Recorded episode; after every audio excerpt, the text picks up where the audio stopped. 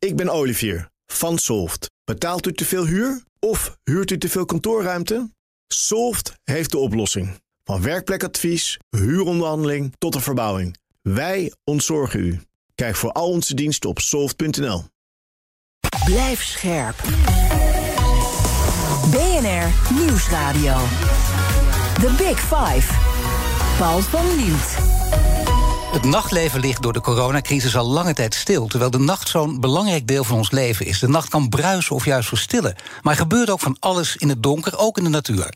Daarom praat ik in BNS 5, eh, Big Five van de nacht met vijf prominente gasten over wat er speelt in de duisternis. We bekijken de nachtelijke hemel, we praten met wie wakker is als iedereen slaapt. Vandaag is Cor Kachikian bij me. Hij is spoedeisende hulparts. Hij stond tijdens de start van de coronapandemie aan de frontlinie. Schreef er ook een boek over. Welkom. Dankjewel. Ja, we gaan elkaar tutoyeren. We hebben elkaar eerder ontmoet. Het was een hele andere setting. En toen was geloof ik mijn rol om jou gewoon eh, echt uit je ritme te halen. Klopt, je hebt mijn leven toen zuur gemaakt. Nee hoor. Het was een interviewsetting waarin ik inderdaad eh, in de war gebracht moest worden. Ja, ja lukte dat ook? Ja, best wel. Maar oh. uiteindelijk heb ik het wel uh, overleefd. Ja, ja nee, en hoe? Hè? Dat gaan we allemaal bespreken. Heeft ook te maken met jouw ambities misschien wel om premier te worden. Mensen schrikken zich rot als ik dit zeg. Jij schudt ook nee, maar toch blijf even luisteren, want dan ga je straks uitleggen. Ja. Nou, we gaan dus over de nacht in het ziekenhuis hebben in algemene zin. Maar eerst even twee dingen. De eerste, jij werkt als uh, spoedeisende hulparts in het uh, Sint-Antonius... in het uh, ziekenhuis in Nieuwegein. En hoe gaat het met die sfeer daar nu? Want er zijn nu nieuwe berichten gekomen gisteren. Het kabinet, het biedt wat openingen. Maar dat kan verschillende kanten op. En elke sector reageert er anders op. Hoe is het bij jullie? Um, nou, kijk, wij zijn wel uh, strijdlustig en bereid om de samenleving te dienen, zoals altijd. Maar uh, de medewerkers hebben het wel heel zwaar, omdat we afgelopen twee jaar constant op scherp staan en eigenlijk boven, als het ware, boven normaal draaien. Dus ook qua roosters, qua ziekteverzuimen, hogere percentage ziekmeldingen. Dus het is heel hard werken. Maar tegelijkertijd willen we natuurlijk ook net als iedereen dat de samenleving open gaat. Want we gunnen mensen ook een, een goed en prettig ja, bestaan. Dus het is, het is kiezen tussen twee kwaden, maar het is wel zwaar. Dat is wel een feit. Maar dan, het begint met dat applaus en toen was iedereen voor de zorg en geweldig. En daarna kwamen ook de teleurstellingen. Toen ging het echt om, om klinkende munten, om hard geld en ook om een goede situatie, zodat mensen zich ook minder ziek hoeven te melden. Daar valt denk ik ook een en ander over te vertellen. Klopt. Het is natuurlijk heel bizar dat uh, de onderhandelingen ook voor en zo zeer moeizaam lopen. Terwijl we nog maar twee jaar geleden hebben gezien dat, dat Nederland echt moet kunnen bouwen op de zorgsector. Toen waren we inderdaad de helden en alles draaide voor de zorg en om de zorg. Maar vervolgens aan de onderhandelingstafel, of überhaupt om te investeren in de zorg, is heel, ja, economisch lijkt het niet echt uh, uh, zeg maar te lukken dat men ons ook het geld gunt. Zeg maar. dat er, er wordt wel geklapt, maar niet echt veel geïnvesteerd. Maar ik denk, jij bent nu iemand, prominent iemand ook in de zorg... die zich eh, goed weet te uiten, die het ook doet en met lef en durf. Dus jij gaat die denk ik straks ook wat over vertellen. Als we naar de toekomst van de zorg kijken. Nou, ik, als je daar vragen over stelt, wil ik dit proberen op te beantwoorden. Voor zover ik dat kan als een medicus. Ik ben natuurlijk nu geen politicus. Nee. Maar het is wel bizar dat uh, inderdaad er minder geïnvesteerd wordt in de zorg dan ten tweede. Omdat je veel in de nacht werkt, dan, dan denk ik dat altijd misschien een totaal verkeerde aanname. Maar ja, dan moeten dat per definitie avondmensen zijn. En vaak is het wel waar, maar hoe is het in jouw geval? Persoonlijk ben ik zeker beter op dreef in de avond, dat klopt. Dus ik had vanochtend nog heel veel moeite om uit bed te komen, überhaupt. ik ben geen ochtendmens en s'avonds bloei ik helemaal op, dat is waar, ja. Oh, dat is lastig. Dus dat wordt een moeizaam uur nu. Dat is ook, ik ben ook uh, wakker aan het worden met een koffie koffie. Ja, zie je, dus, dat is ja. Als spoedeisende arts werk je dus wel vaak in de nacht... waar jij je op je gemak voelt. Uh, patiënten komen dan binnen, verschillende soorten patiënten. Kun je een beetje de situatie schetsen... van een, een gemiddelde nacht op de spoedeisende hulp? Nou, afgelopen twee jaar is het natuurlijk geen gemiddelde nacht meer geweest. Want wat je ziet is dat als de horeca dicht is, dat je dan aanzienlijk minder uh, geweldsdelicten hebt in de nacht. Vechtpartijen, hè, dat, die blijven dan weg. Uh, veel minder dronken fietsers uh, die van hun fiets vallen. En hier in, in de stad denk ik dan met, met de wieltjes in de tramspoor, zeg maar. Dus, dus dat is aanzienlijk minder. Um, wat je wel hebt in de nacht, uiteraard zijn de mensen die de hele dag hebben gewacht en niet wilden gaan naar de dokter en s'nachts helemaal instorten. Dus je kan ook wel een categorie hele zieke mensen hebben die gewoon het uitgeput zijn, die het niet meer volhouden. Dus zeg maar, de, de, de, dat middelste stuk van de, de dronken jonge patiënt, die blijft al twee jaar weg. Ja, die komt wel terug nu. Daar, daar, dat daar je, ja, dat zit er dik in. Ja. Ja, Nee, dat is inderdaad toch om dat even goed te belichten, weer een donkere kant van de, van de opening. Ja, zeker. We gaan in de nacht ook drukker krijgen. Dat is, dat is een feit. Want zodra de evenementen komen en feesten en partijen... dan heb je gewoon meer ongelukken, meer geweld. Ja. Hoe is de sfeer nu in de nacht? Want uh, met jullie onderling, want dat zie je wel op veel bedrijven. Sommige mensen kiezen ook bewust daarvoor. Er wordt dan gewaarschuwd voor gezondheid en pas op, want het is, uh, je kunt eigenlijk beter overdag werken, moeten we het misschien ook nog over hebben. Maar om de sfeer uh, kiezen mensen vaak voor de nacht. Ook als je bijvoorbeeld in de zorg werkt, waar je denkt, is prettiger, minder mensen, we zijn iets persoonlijker bij, tegen elkaar. Is dat een vooroordeel of merk je dat het inderdaad waar is? Nee, dat is, dat is zeker een feit. Ik denk dat in de nacht mensen sowieso wat opener zijn. niet alleen heel erg met hun verstand bezig zijn, maar ook met hun hart. Hè? Want dan is toch een tijdstip van de dag dat je uit jezelf wat gemoedelijker, wat vriendelijker wordt. En nou, het licht, de teelbuizen staan een beetje op dienststand. Dus het is, het is zeker een veel, vind ik, een veel openere en een prettigere sfeer. Veel kortere lijntjes, minder mensen. Dus je zult met minder mensen hetzelfde werk moeten doen. Dus aan alle kanten, vind ik, uh, is, het, is het een veel prettigere, rustigere sfeer. Dat is waar. Past ja. ook meer bij jouw karakter om, om, om met, op die manier te werken? Ik hou ook wel van de hectiek en de chaos. Want dat is ook wat, wat je overdag hebt hè, op de spoed. Dus terwijl ik de hectiek en de chaos heel gaaf vind, is het openhartige dieptegesprekken die ik ook soms heb met collega's en, en, en, patiënten, heeft ook wel heel veel moois in de nacht. Ja. Waar gaat het eigenlijk over met de patiënten? Want ja, spoedeisende hulp en ze zijn natuurlijk alleen maar bang. Ze zijn alleen maar verschrikt en ze hopen dat alles goed gaat, kunnen misschien geen woord uitbrengen. Heb je toch tijd en, meer aandacht voor patiënten dan gemiddeld?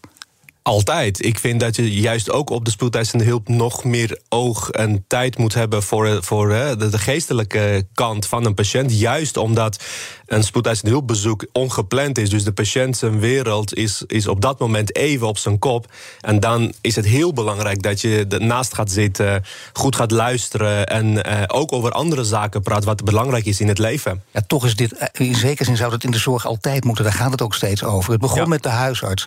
Gesprekjes van zes of zeven minuten. Terwijl het gaat dan vooral om aandacht, merk je ook vaak bij mensen. Misschien is er niets aan de hand, maar ze willen even dat gesprek gewoon goed gevoerd hebben. En niet een arts tegenover zit die na zeven minuten op de klok kijkt en zegt: het kan niet meer. Of zoals in dit programma dat ik opeens denk: oh, wacht even, er komt een jingle, we gaan weer door. Of het nieuws komt eraan. Nou, nu haal je iets heel belangrijks aan. In de zorg vinden wij als zorgverleners heel belangrijk om de tijd en de mogelijkheid te hebben om maximaal aandacht aan een patiënt te besteden. En de organisatiestructuur maakt het soms lastig omdat je productie moet draaien, terwijl ons hart ligt om met de patiënt uh, echt ja, van hart tot hart te connecten. En dat lukt soms moeilijker vanwege de drukkende productie en, en al die administratielasten eromheen. Maar de patiënten waarderen dat het beste. Als je kijkt. Um, waar, ze het meest, uh, waar de patiënt het meest door geholpen is, is het niet alleen maar een kundige arts dat, of een verpleegkundige, maar ook vooral de hele communicatie en de aandacht en hoe je het brengt en hoe, ja, hoe, hoe dicht bij je patiënt komt. Dat is heel belangrijk. Ik denk het ook, als ik met mensen praat die, die op wat voor manier ook met het ziekenhuis te maken hebben gehad. Het gaat bijna altijd daarover, over de communicatie en de aandacht. En dat is toch het allermoeilijkste blijkbaar.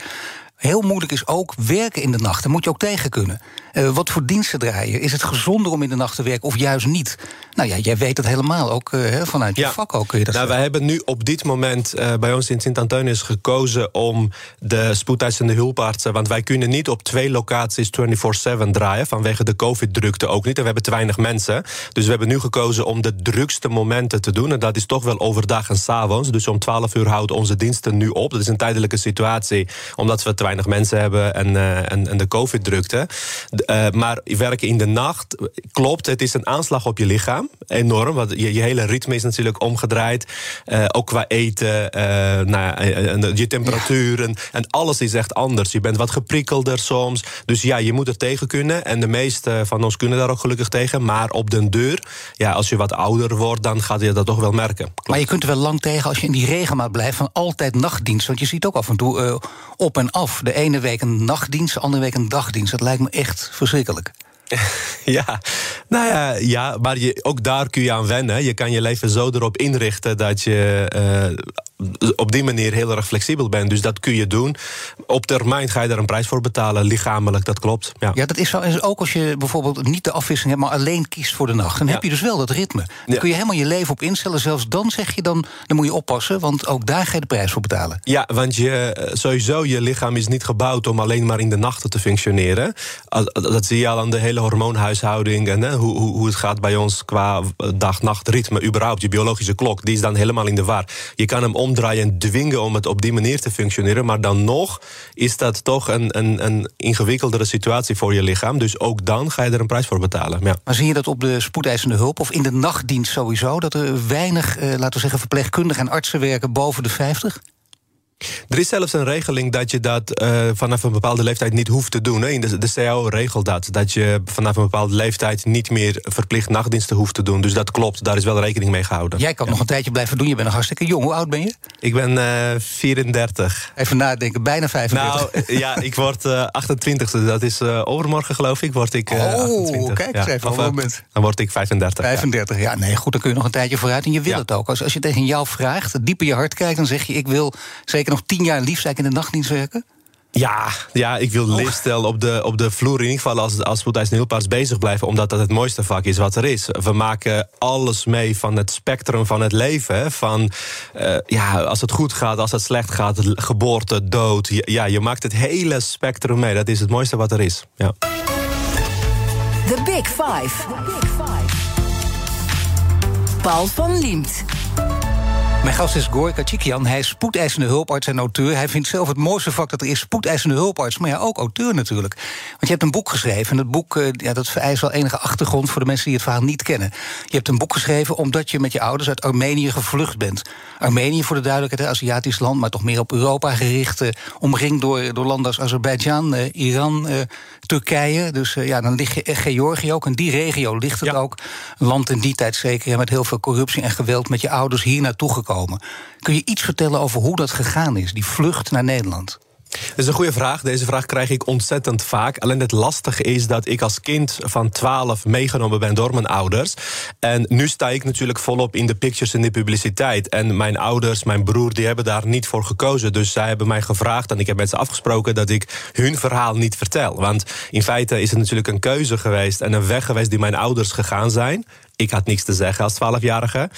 En ik heb nu wel zoiets dat ik daar niet heel erg op inga. Of eigenlijk niet op inga. Puur om mijn ouders ook een beetje uit de publiciteit te houden. Heb je nooit met jouw ja, nabije familie gedacht... misschien moeten we met z'n allen een boek een keer schrijven? Om, om dit hele verhaal, om, om het impact te laten krijgen... dat verhaal heel groot neer te zetten. Ja, maar mijn, mijn ouders willen dat niet. Uh, echt bewust niet. Uh, niet iedereen houdt natuurlijk van om in de aandacht te staan... want dat heeft ook heel veel schaduwzijden. Dat, dat zul je denk ik ook wel kennen. Of misschien mag jij er iets over vertellen. Want ik bedoel, je hebt natuurlijk dat meegemaakt. Ik heb jou ook inderdaad meegemaakt dat je in het begin van je publicitaire periode stond. En uh, nou ja, dat is, dat is een behoorlijk verschil met nu, maar de, de drive was duidelijk herkenbaar. Jij wilde dat juist wel, je wilde naar buiten treden. Waarom wil je dat per se?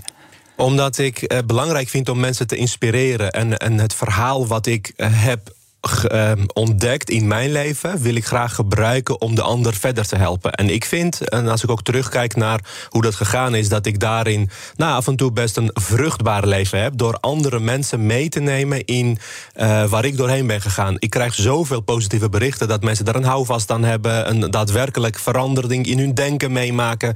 Dus het heeft een enorme impact. En daarom vind ik het zo mooi om te doen. Maar tegelijkertijd is het ook een feit dat niet iedereen mij aardig en leuk en lief vindt. Dus ook die geluiden heb je.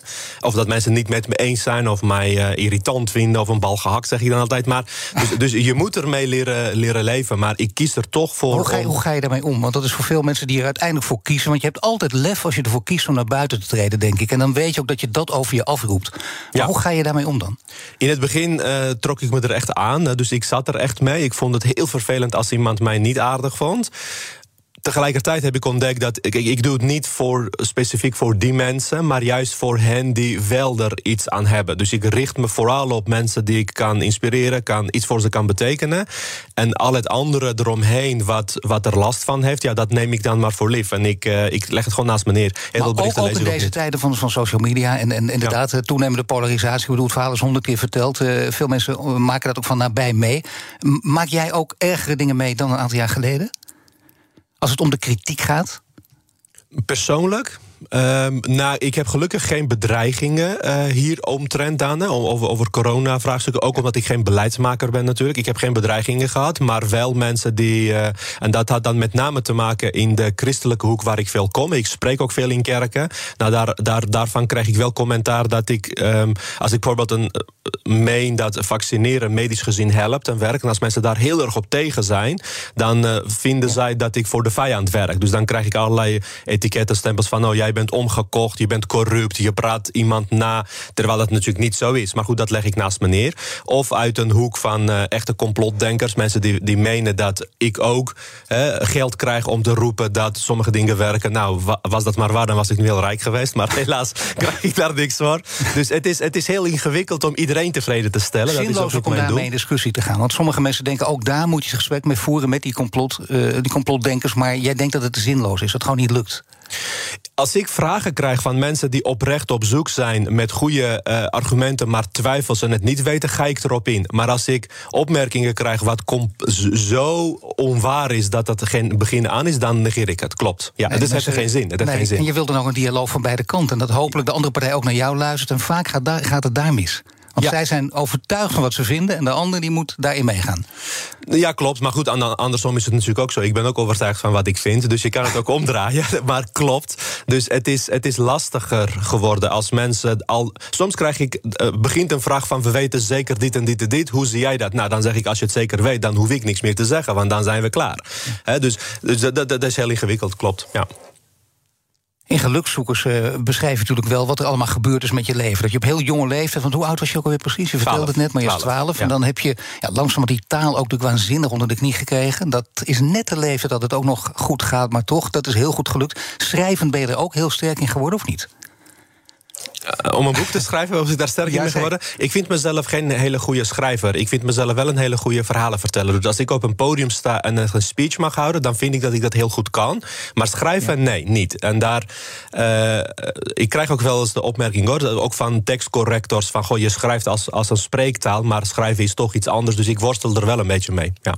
Je, die lange tijd dat je nu in Nederland zit, uh, aangekomen, dat beschrijf je ook allemaal. Hè. Je bent uh, station Den Bosch en verder kon je dan uiteindelijk doorgaan van het ene asielcentrum naar het andere. Dat, dat is nogal een leven, nogal een turbulent leven. En het is ook een beetje bij de, de provocerende titel, hè, gelukzoekers. Want uh, ja, dat, dat, is heel Klopt. goed gekozen ook. ja. Mensen er boos worden. Maar je denkt, ja, natuurlijk, nou, doe, ja. het dan, doe het maar na, zou je bijna zeggen. Dat doe je niet voor niets, zoiets. Er is van alles gebeurd. Zo'n leven doet ook van alles met je. Dat heb je wel in dat boek willen opschrijven. Waarom heb je dat willen doen? Want je wilde iets losbreken, maar wat wilde jij precies losmaken? Wij allemaal maken uh, moeilijke periodes mee in ons leven. Dat is een feit. De vraag is uh, niet of je er doorheen zult gaan. Ook hier in Nederland. Als je hier geboren bent in je veilige haven hier, uh, dan zul je andere uitdagingen kennen in het leven. De vraag is niet of, maar de vraag is hoe ga je ermee om? En veel mensen worden bitter en die gaan ermee blijven zitten. Mijn doel was om met dit boek te laten zien dat je door de stormen van je leven niet bitter moet worden, maar beter. En ik probeer echt een verhaal te vertellen van ondanks de uitdagingen en tegenslagen kun je er juist sterker door uitkomen. En maar waar heb jij met name de kracht aan ontleend? Want je, moet, je kunt niet zomaar sterker worden van, van negatieve gebeurtenissen. Je moet ergens kracht aan ontlenen. Ja, nou, ik persoonlijk ben een gelovige jongen. Ik ben christen. Dus ik heb ook hier in Nederland echt ontdekt... dat er een God in de hemel is die heel dicht bij me staat en van me houdt. Dus voor mij was dat een belangrijk uitgangspunt. Tegelijkertijd ben ik echt een wetenschapper. Ik ben wetenschappelijk opgeleid, dus je gaat ook proberen dingen te relativeren... en te begrijpen met je hoofd. Maar daarin was het constant het balans van het ongrijpbare... het kwetsbare van het leven... versus het maakbare wat ik met talent zelf kan. En daartussenin zocht ik steeds een weg. En tegenslag extern, van buiten, moet niet re resulteren in dat ik van binnen instort. Dus, uh, dus mijn reactie op de omgeving, dat is heel belangrijk geweest. Dus bij elke afwijzing van de IND of een uitzetprocedure, ging ik nou, diep van binnen in gebed, nou, omdat ik dus gelovig ben, ging ik kijken van hoe kan ik hier nou van vloek en zegen maken? Hè? Wat, wat, wat is dat dan? En soms vond ik een manier, bijvoorbeeld door te schrijven of door te spreken, dacht ik: oké, als ik nu zelf hier een slappeloze nacht van heb, ik ga het op zijn minst gebruiken om iemand die slappeloze nacht heeft een betere nachtrust te geven, door een verhaal erover te schrijven of te vertellen. Dus zo probeer ik van vloek een zegen te maken. En uiteindelijk ook uh, door een, aan een programma mee te doen, het te winnen ook nog, premier gezocht. Mocht je ook nog naar Amerika, Barack Obama, toen de tweede termijn, die won hij ook van Mitt Romney. Was je allemaal bij, dus uh, geweldige dingen die je opeens meemaakt. Alle aandacht die je ook kan overweldigen. Hoe ga je daarmee om? Want dat is de andere kant van de medaille. Nou, wat leuk is. Op een troon zitten natuurlijk. En dat, dat doet ook vaak gekke dingen met mensen. Ja, nou wat jij niet weet is dat ik inderdaad, dat was de hoofdprijs van het winnen van Primé gezocht. Maar ik heb die prijs aan de nummer 2 gegeven, eh, Lucas van Gils. Hij mocht gaan.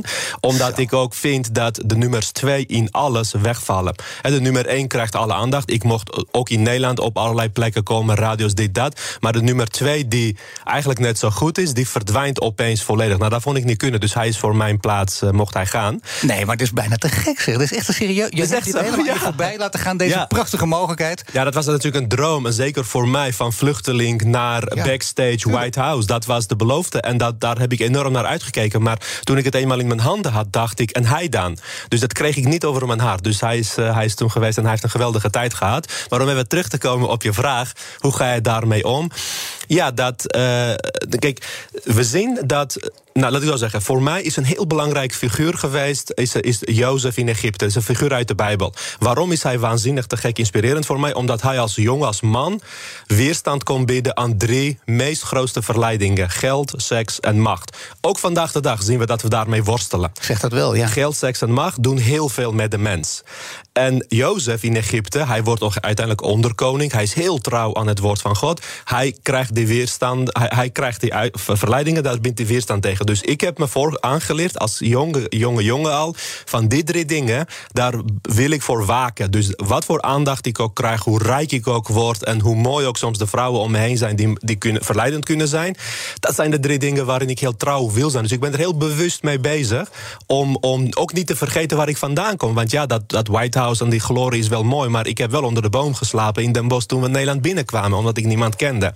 Dus waar je vandaan komt, mag je nooit vergeten. En daar, ja, daar ben ik heel dankbaar voor in het klein. En, en dat vertaalt nu naar mijn leven... dat ik weerstand probeer te bieden, ook aan de andere kant, ik namelijk de het hele, hele verhaal over de Voorse. Dat gaan we hier niet Nee, uit nee, nee, nee. en herhalen. Maar je ziet wel, die mensen zouden misschien ook het verhaal van Jozef moeten lezen. Z- Zeker, ik denk dat iedereen het verhaal van Jozef in Egypte moet lezen en kennen. Ja.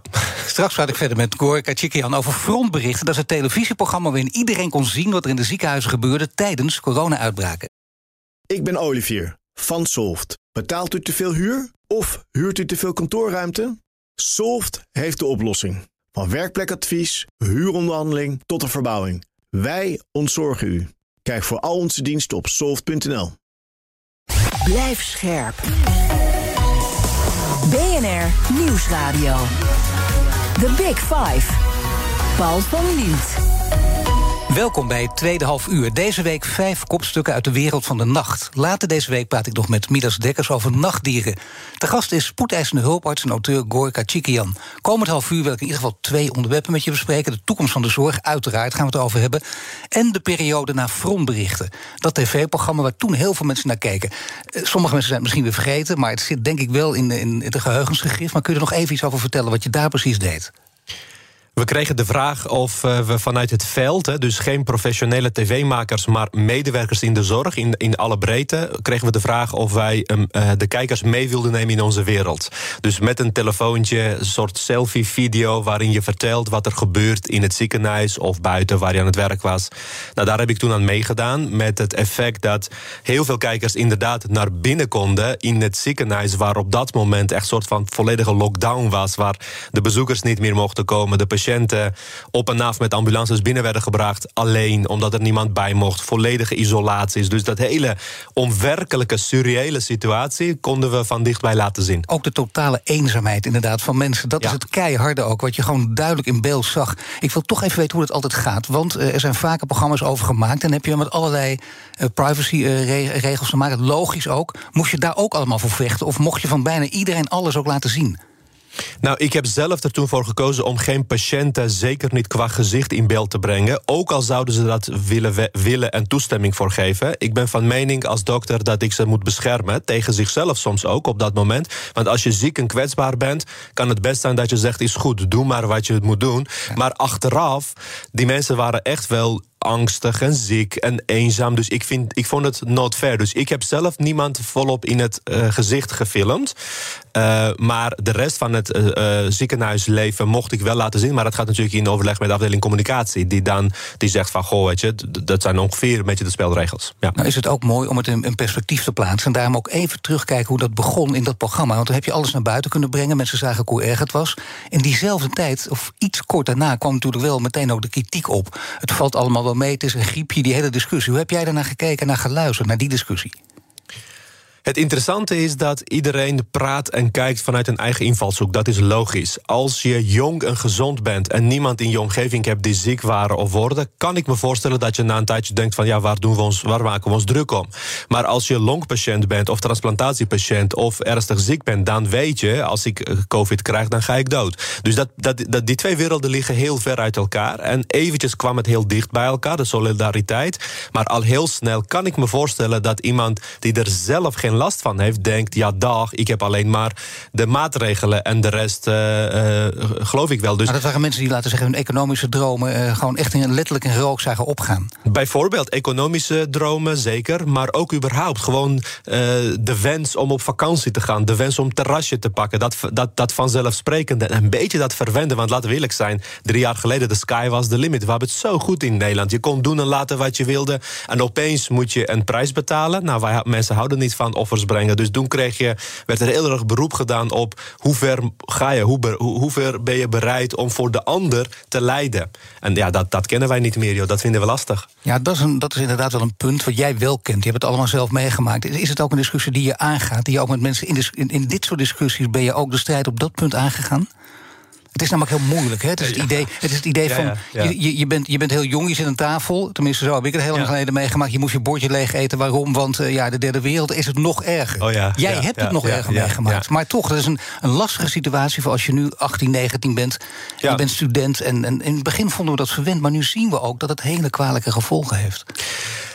Ik, ik ben, eh, kijk, ja, uh, ik, ik moet eerlijk zeggen dat ik niet echt de discussie ben aangegaan. Want ik vind dat heeft ook geen zin om te discussiëren. Maar eerlijk gezegd, ik begrijp mensen ook wel. Dus ik heb ook niet, ik zeg ook niet dat een student die moet niet zeuren en die moet even door. Nee, natuurlijk niet. Want dat is voor jou, voor een student, een belangrijke tijd uit zijn of haar leven. En als je dan eerstejaars bent en je mist de complete uh, introductieweken, je mist het hele studentenleven. Dat is best. Voor, die, voor diegene is het een groot ding. Is het echt een, echt een iets. Dus ik ik heb begrip voor mensen die geen begrip hebben voor de rest. Snap, snap je wat ik bedoel? Dat klinkt een beetje raar. En, en, en, dat is iets heel ingewikkelds. Want je wilt ook niet zomaar oordelen, want ik ken iemands situatie niet, maar wel oproepen van, nou ja, voor jou, jij overleeft COVID wel medisch gezien, hè, waarschijnlijk. Maar begrijp wel dat het voor iemands oma, opa of een, een zieker persoon het einde betekent. Denk daar op zijn minst over na, want de dood is best definitief. Uh, dus dus en, en, ik heb altijd geprobeerd om mensen te triggeren om dieper na te denken dan alleen maar de eigen uh, pilsje en terrasje. Dus als je dan dieper erover nadenkt, want uiteindelijk moet de overtuiging van binnenuit komen. Ik kan niemand iets opleggen. Dan gaan mensen het met tegenzin doen. Dat is niet per se wat je wil bereiken. Je wil dat mensen vanuit een diepe overtuiging begrijpen wat het voor de ander is en doet. Maar nu heb jij dit, dit kun je doen omdat je zelf die achtergrond hebt. Dat scheelt enorm. Dat helpt je ook zeker in dit geval. Dan kun je beter begrip voor alle partijen bijna opbrengen. Maar je ziet ook als spoedeisende hulparts wat er in die nacht gebeurt. En je hoort dan meteen ook in die begintijd al die geluiden over. Ja, maar het valt wel mee, want de mensen die daar overlijden, die hebben wel corona, maar die hadden al onderliggende ziekte of die waren allemaal te dik. Daar werd de discussie toen meteen op de spits gevoerd. Wat vond je daarvan? Nou, dat is, klopt, dat is een interessante. Ik had ook zo'n discussie met eh, Jort Kelder bij Op1 toen erover. Heel interessant om die gedachten te hebben, maar dat kun je doortrekken naar alle ongezonde gewoontes die we hebben. Want ook iemand die ik in de nacht binnenkrijg, die ontzettend uh, dronken is en uh, ergens onderuit is gegaan, die heeft het aan zichzelf te danken. Het is gewoon een slecht gedrag. Dan ga ik ook niet zeggen, nou stik er maar in, het is je eigen schuld. He, soms heb je mensen die je echt helemaal onderkotsen en de hele kamer onder plassen. Mag ik dat soort termen gebruiken? Ja, maar het is allemaal een, voor maar, nee, maar echt, echt oprecht. Dan, dan staan, staan, staan onze verpleegkundigen gewoon iemands kots en poep op te ruimen. Terwijl ik denk van, je bent een volwassen kerel, doe even normaal. Het is, het is je eigen domme gedrag. Maar dan gaan we alsnog voor je zorgen en het beste geven van wat we kunnen. Dus de lijn doortrekken van ja, maar dat zijn die dikkers die, die, die aan corona overlijden. Nou, dat medisch technisch klopt het. Maar dan moet je iedereen die een risicovol gedrag vertoont buitensluiten. Hè? Dus de mensen met overgewicht überhaupt. De rokers, de wintersporters, de, de topsporters die zich blesseren. Motorrijders, levensgevaarlijk. Maar nee, we willen met z'n allen normaal kunnen leven en genieten van het leven met alle risico's van dien. Wat heb jij geleerd van deze periode? Buiten deze oproep die je nu doet, die deed je daar ook. Hoe liep het trouwens af van die discussie? Want kijk, Jort Kelder wil de discussie graag winnen.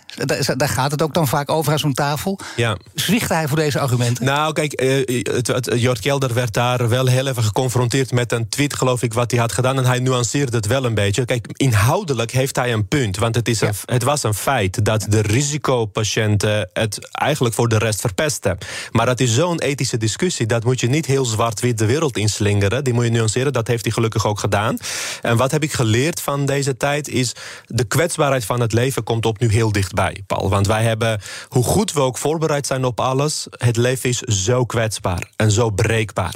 Dus hoe belangrijk is het om elke dag te leven met je geliefden... waarderend, aan je, eh, je niet alleen maar achter succes aanrennend... maar een stukje diepere groei, karaktervorming... gewoon groeien als mens. Dat is zoveel belangrijker dan het zichtbare materiële successen waarin we leefden. Want als zo'n crisis voorbij komt, dan stort alles in. Dus ik ben nog meer bewust van uh, de kwetsbaarheid van het leven. Ja, dat is een hele mooie die, die, die je zo zegt. En tussen neus en lippen door heb je dan ook meteen over succes. Misschien een andere definitie van succes gaan hanteren. Dat werkt ook. Want mensen zeggen dat graag, en zeker voor corona, per definitie succes is. En er komen er altijd relatief oppervlakkige dingen naar buiten. Waar je enorm van kan genieten. Waar je elkaar mee probeert te overtroeven. Terwijl het voor jou echt om heel andere dingen gaat. Klopt. Nou ja, kijk, succes inderdaad is maar net hoe je het definieert. Daar gaat het om. Maar mijn punt is ook meer, wat je ook, waar je ook mee bezig bent... ga dat echt ten diepste uh, op een mooie manier opbouwen vanaf de bodem. Dus niet voor het vluchtige, alleen maar het zichtbare...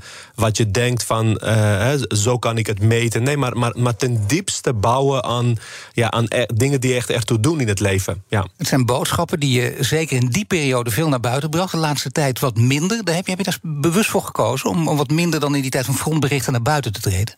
Klopt, ik heb wel gemerkt ook. Kijk, ik ben natuurlijk een dokter. Hè. Ik sta gewoon op de vloer, dat vind ik leuk om te doen. Ik ben helemaal geen media gescholden iemand. Of ik, ben, ik, ik, ik, ik kreeg heel veel uitnodigingen ook bij programma's om daar te zitten, om daar te zitten. Nou, dat hoeft van mij niet. Als ik ergens zit, wil ik een verhaal hebben dat hout snijdt. Ik wil gewoon inhoudelijk iets te melden hebben. En dat heeft ervoor gezorgd dat ik op een gegeven moment dacht: ik heb niks nieuws te melden. Dus ik, ik ga er niet meer op die uitnodigingen in. Plus, het kostte nou ja, best veel energie. En inderdaad ook wel een beetje, bijvoorbeeld de Twitter als riool zeg maar, waar iedereen van alles over die vindt. Op een gegeven moment dacht ik, nou, ik focus me meer op mijn werk. Maar toch is het belangrijk hoor, want uh, we hadden uh, hier deze week Govert Schilling, wetenschapsjournalist, die, ja. die had ook naar frontberichten gekeken, ook ja. uh, met, met veel waardering. En die had deze vraag voor jou. Ken Gor via dat programma, fantastische programma Frontberichten, wat in het begin van de coronacrisis ja. op tv was. en daarna is er natuurlijk nog veel meer andere dingen gedaan. Maar dat heeft heel veel indruk op me gemaakt. Ik heb het idee dat dat misschien de publieke opinie over de zorg heeft beïnvloed. En mijn vraag aan hem: zou het niet een goed idee zijn als een programma als Frontberichten elke nacht werd uitgezonden? Waar en hoe dan ook, gewoon continu, altijd. Kijk, elke nacht. Goed idee, toch? Uh, nee. er wordt van me verwacht dat ik nu ja zeg. Kijk, het is een mooie vraag hoor. Het is een goede vraag. En ook een goede constatering dat, de, dat je de publieke opinie kan veranderen door eerlijke, oprechte communicatie en beeldvorming. Dat is waar. Maar de mens is wat dat betreft zo'n eigenaardig, uh, vermoeiend wezen. Als de mens heel vaak iets hoort wat heel goed is, na een tijdje gaan we dat niet meer belangrijk vinden. Wij raken eraan gewend en we, we snappen het niet meer. Dus het wordt vanzelfsprekend. Dus op het moment dat je dit alsmaar blijft communiceren, dan gaat het denk ik niet meer het effect hebben die je wil dat het heeft. Dat zie je ook in de hele crisis. In het begin was, waren alle maatregelen meer dan welkom. Iedereen, nee hoor, meteen. We gaven alle vrijheden op. Waanzin, hè? Zelfs een avondklok hebben we geaccepteerd. Maar na een tijdje, en dat merk je nu, zijn we er echt helemaal klaar mee. Dus je kan blijven communiceren, maar mensen accepteert het niet meer. Dus ik, ik snap de gedachte. Het is een enorme eer ook. Hè? Stel dat ik elke nacht met mijn kop op de buis zou komen. Maar ik weet niet of we dan nog steeds het effect bereiken dat we willen bereiken. Nou, misschien ga ik het zo meteen op een andere manier even bij je proberen. En dan praat ik verder met Gorka Chikian ook over frontberichten natuurlijk. En zijn tijd als spoedeisende hulparts tijdens de coronapandemie en hoe hij naar de toekomst kijkt.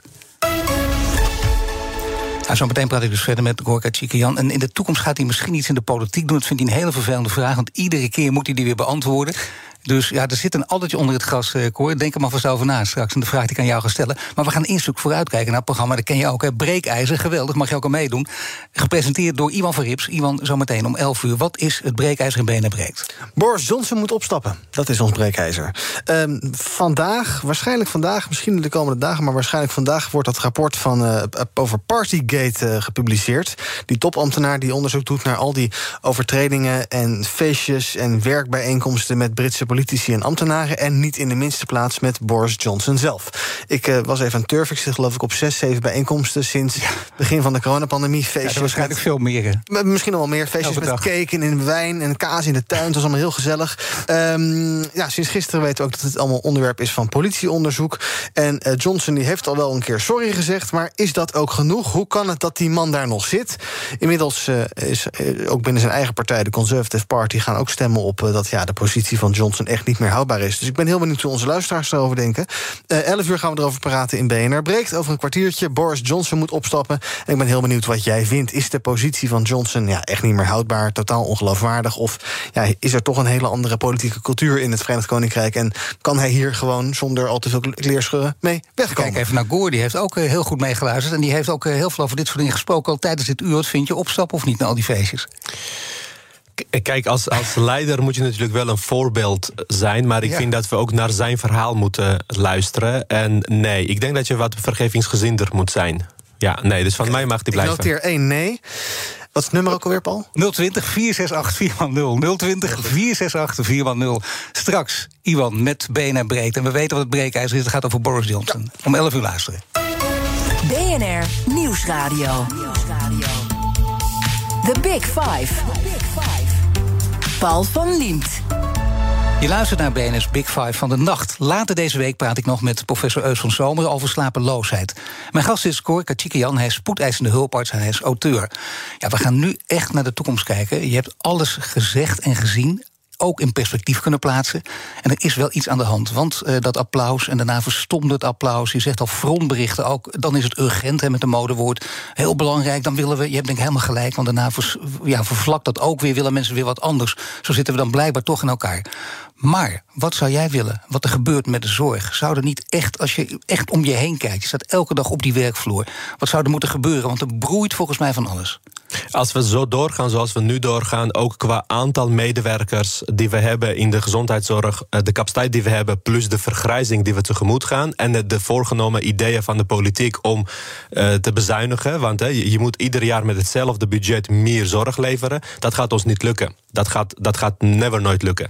Dus wat er moet gebeuren is denk ik opnieuw uh, her overwegen van hoe kunnen we zorg toekomstbestendig maken. En het kan niet anders dan meer investeren.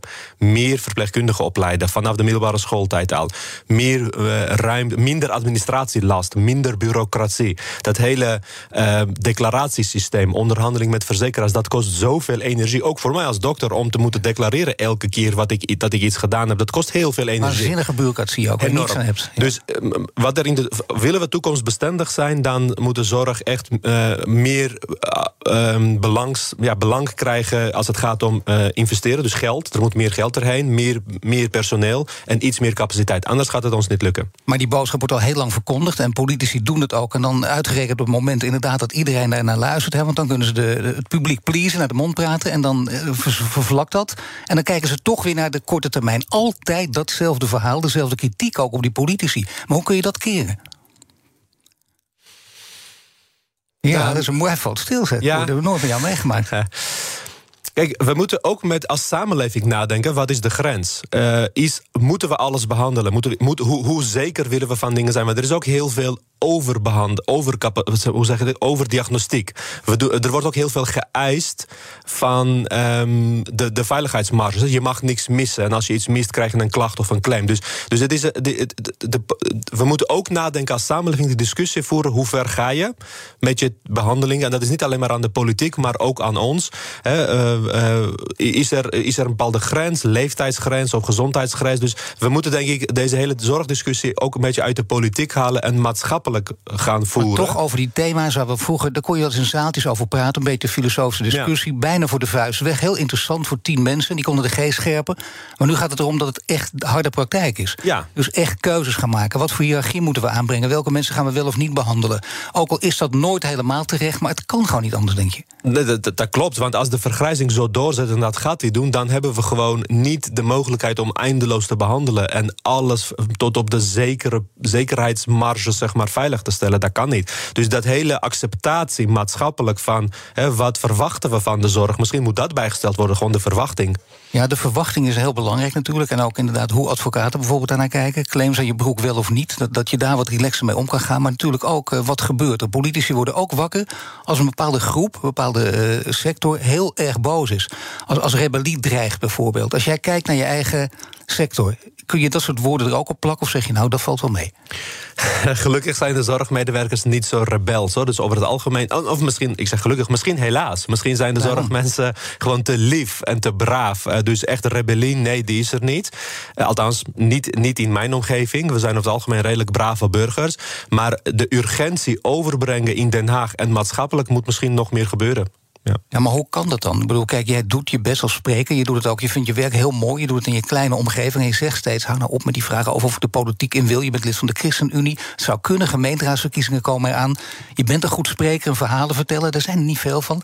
Dan kun je enorm veel invloed hebben. Misschien wel een, een taak die helemaal bij je past ook. Ja, dankjewel. Ik zie het als een compliment. Maar ik heb altijd gedacht en gezegd dat politieke ambities zijn voor mij moeten geen menselijke ambities zijn. En daarmee bedoel ik, kijk, met menselijk talent uh, en hard werken kom je heel ver. Maar dat wil ik niet. Om terug te komen op Jozef in Egypte. Hij werd onderkoning, niet op eigen initiatief. Maar hij werd daar geplaatst met een missie van de hemel als ik op een plek kom dat ik denk van nou nu is het moment en dit is echt mijn plaats, dan wil ik bereid zijn en beschikbaar zijn en ook kundig genoeg zijn. Dus ik train mezelf daarin. Maar ik hoef niet menselijk gezien zeg maar daarnaar te streven of voor ellebogenwerk of voor te vechten.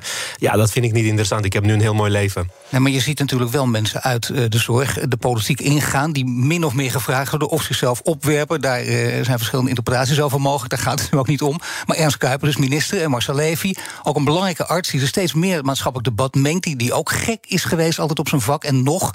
Maar die dit ook belangrijk vindt. Die kant zou je dan ook op kunnen gaan? Of, of vind je dat helemaal geen, geen mooi perspectief voor de toekomst? Zeker wel, want ik vind dat artsen ook maatschappelijk veel meer een geluid moeten hebben uh, en moeten laten horen. Dus ik ben heel blij met bijvoorbeeld Marcel Levy. Ik heb veel colleges van hem gehad. Een waanzinnig goede professor en uh, echt heel inspirerend man. Dus dat moeten, ze, moeten we met z'n allen zeker meer doen. Ah, joh, ik, ben, ik ben nog maar geen 35, dus ik wil nog ja. wel een beetje meer uh, recht van spreken krijgen. Maar je wordt niet ingezet voor de gemeenteraadsverkiezingen, juist omdat die dichtbij komen, nog maar een paar maanden. Ja, dat, dat, ik, daar, daar wil ik niet. Nee, ga ik niet voor. Nee. Waarom niet? Nou.